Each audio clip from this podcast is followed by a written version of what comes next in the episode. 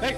Nu är vi tillbaka till eh, Utan spaning ingen aning där vi pratar om det digitala mötet. Och den här gången så ska vi ge fem snabba och effektiva råd för att eh, förbättra er, er verksamhet digitalt. Ja, härligt. Ja. Och vi börjar där vi slutar. Digital voice. Jan, vad har vi på det? Ja, det är ett ämne som vi hade en hel spaning om eh, senast. Men vi har fått mycket kunder som har hört av sig och som har varit väldigt intresserade av det här.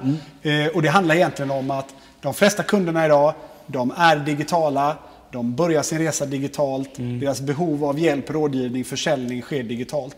Och istället för att liksom disconnecta, lyfta luren och ringa in och få, få, få hjälp så kan man egentligen klicka på en knapp och prata direkt med en rådgivare, en handläggare.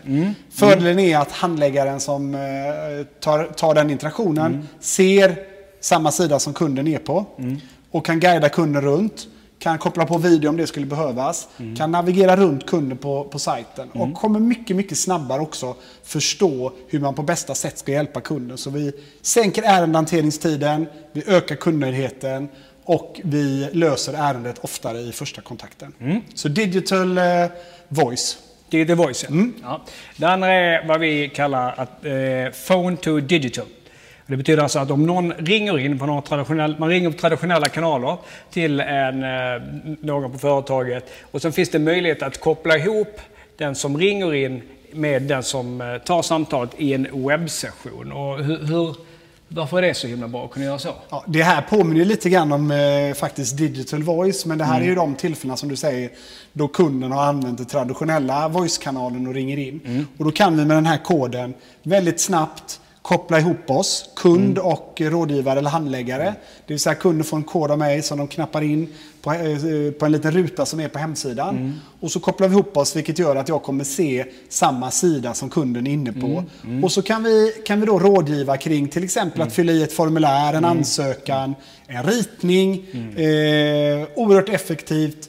Och som sagt var, det påminner lite grann om digital voice. Men i det här fallet så är det phone to web. Och det är att man använder traditionell telefoni, men man kopplar upp webben. Ja, det är ju för att inte hamna i det här klassiska ögonbindelscenariot där jag ringer in och du ska förklara för mig. Ja, men gå till den här sidan liksom. Och Just det. titta här, förstår du? Var är, var är det nu någonstans? Utan man delar helt enkelt eh, det, det man ser, ser i webbläsaren. Ja, och så sitter vi dessutom, ska jag dessutom navigera dig blind Ja. och, och vi sitter med olika upplösningar på skärmar. Ja. Här anpassar det sig så att jag ser lika stor del av skärmen som kunden ser. Stor nytta. Stor Yes. nytta för er. Eh, Tips tre. Tips tre, ja. Eh, möten.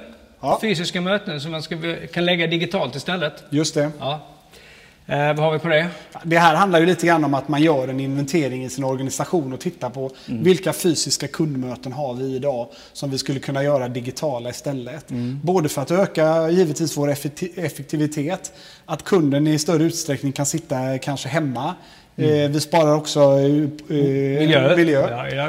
Eh, och Tid. Det, precis. Ja. Eh, och det här är väldigt enkelt. Eh, det är så att man har en digital kalender som man gör tillgänglig för, för sina, sina kunder eller medborgare. Mm. Man kan gå in och boka då en, en eh, mötestid med en expert eller en specialistfunktion. Mm. Och sedan så möts man, möts man digitalt. Och precis som jag nämnt tidigare, då kan man använda olika typer av collaborationsverktyg. Mm. Man kan använda co-browsing, screen sharing, man kan dela filer. Växla till video. Precis. Eh, och är man intresserad av att titta på detta så har vi ett företag som heter Elfa som kör en pilot nere i Skåneregionen.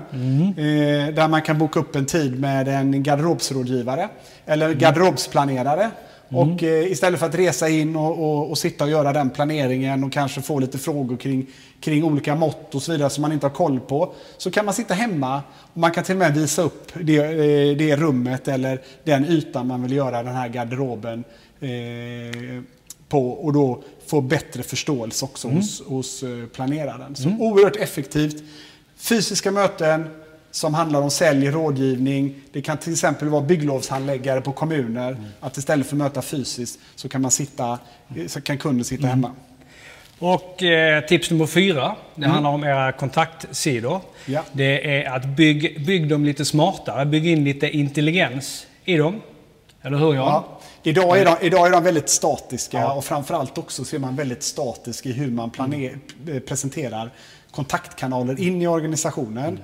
Och vi har haft en spaning kring det här. Men just det här att bygga på intelligens på Kontakta oss och först försöka förstå vad det här ärendet handlar om. Och sen baserat på ärendets kategori och komplexitet öppna upp olika typer av kanaler. Erbjuder inte kanaler direkt. Utan, Eller hur? Nej.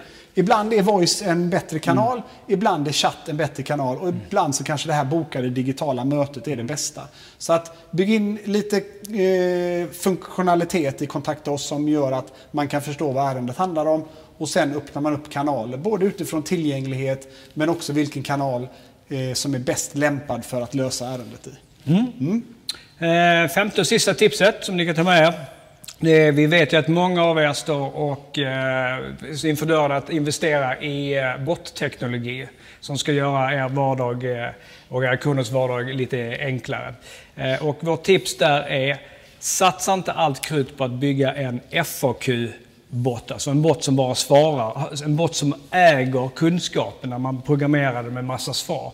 Det är av flera anledningar. Utan vad ni ska göra är att satsa på en bot som kan hitta informationen och guida via co-browsing besökaren till rätt ställe. För annars måste man för dels lära botten med en massa information och data som ska svara.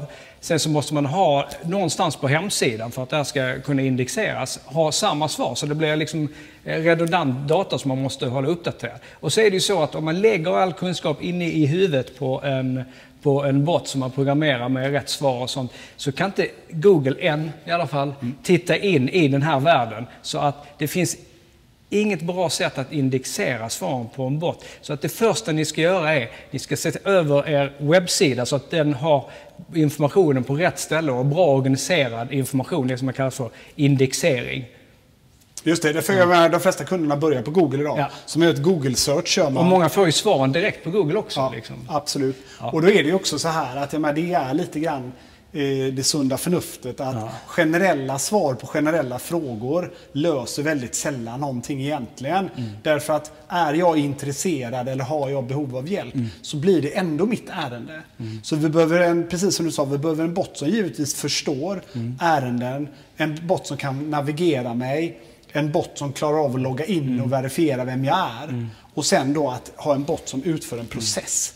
Eh, och då, vi blir lite långrandiga här kanske, men oftast är det så här att en organisation eller en kundservice, de, de har ett antal frågeområden som är eh, dom, dominanta i antalet. Och det är det här vi ska försöka angripa med en bot. Så då kanske vi bara behöver träna botten i tre, fyra use case. För att vi ska reducera mycket ärenden. Men då måste man kunna utföra processer som till exempel att lägga på mer data på ett abonnemang. Eller att titta på om returen har kommit in. Och inte bara svara generellt att din retur blir uppbokad eller in, inbokad efter så här många dagar. Eh, Så att eh, mycket, det var mycket Ja, tips. en, eh, sak där, en, en viktig take med det är att det är viktigare att lära den att förstå frågan än att lära den vad svaret är, skulle jag säga. Yes. Utan kunna navigera den till Ja, svaret precis, ja. Härligt. Det var fem, eh, det var fyra, fyra snabba och en femte lite längre. Ja. Så får ni ha en bra helg och så ses vi igen om ett tag när vi har mer att dela med oss utav. Ja, ha en bra vecka. Hej. Hej.